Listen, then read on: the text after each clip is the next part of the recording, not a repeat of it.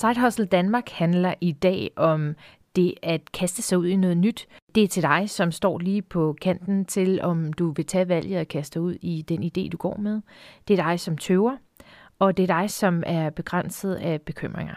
Du finder Side Hustle Danmark-gruppen på Facebook. Meld dig gerne ind i gruppen og inviter dine venner, så vi sammen kan skabe et netværk, hvor vi deler erfaringer, idéer og spørgsmål. Jeg hedder Christine. Velkommen til Side Hustle Danmark. Ja, i dag så handler det jo så om, at vi skal kigge på de der bekymringer, og hvad er det, der gør, at du ikke bare lige kaster dig ud i tingene.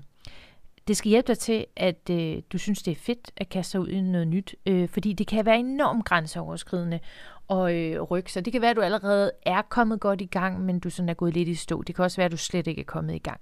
Men det, der bremser os, det er jo som regel vores øh, tanker og vores hoved hvis vi skulle gøre noget ud af alt det, vi gik og tænkte og var bekymret over, så fik vi rigtig travlt.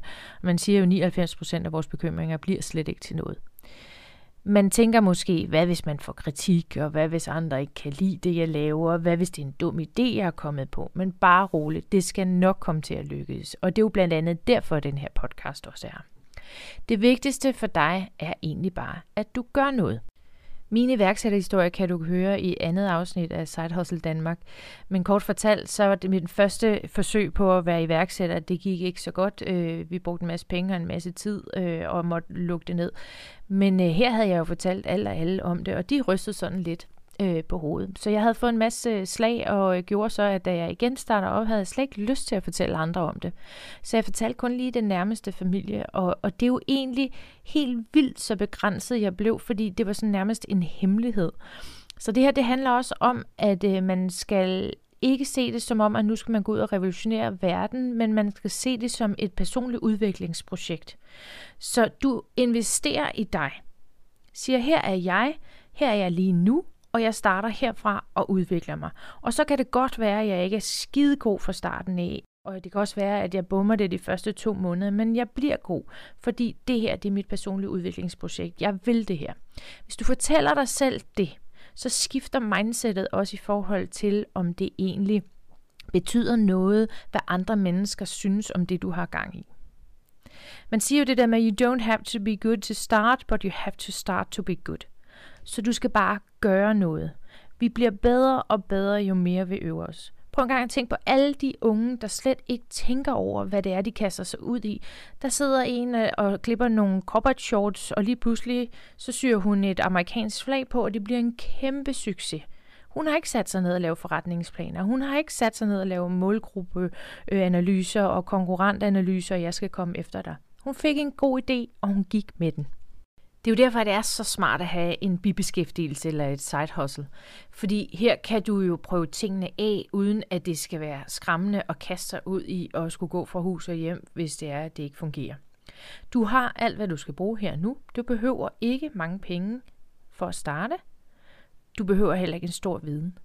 Du har brug for mod og mod til at træde ud af komfortzonen og gøre noget. Måske du kender Brené Brown. Hun er en meget kendt forsker, der skriver om mod og sårbarhed, når man skal overskride sine grænser. Og hun har sådan en fin analogi om en kamparena, sådan et kolosseum. Og der står en masse tilskuere, og så er der dem, der står ude i arenaen og kæmper. Og den analogi, den fortæller dig, at du har ligesom to beslutninger, du kan tage, når der kommer noget nyt i dit liv, hvor du gerne vil noget. Du skal vælge nemlig.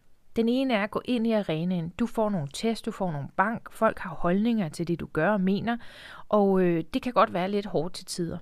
Men for det meste lykkes det faktisk at kæmpe de kampe ude i arenaen, og det lykkes, og du får sejrfølelse, og du har hænderne over hovedet nogle gange, fordi det virker for dig.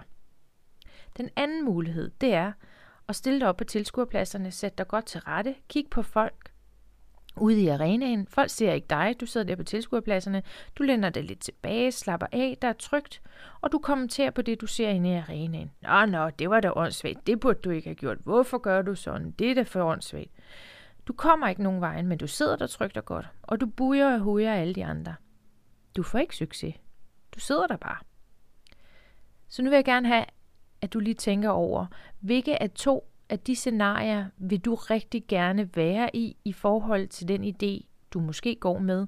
Jeg kan fortælle dig, at jeg vil helst, når jeg får en idé, være ude i arenaen. Og det vil jeg, fordi jeg kan godt lide succesen. Jeg vil rigtig gerne smage den, og jeg vil gerne føle den.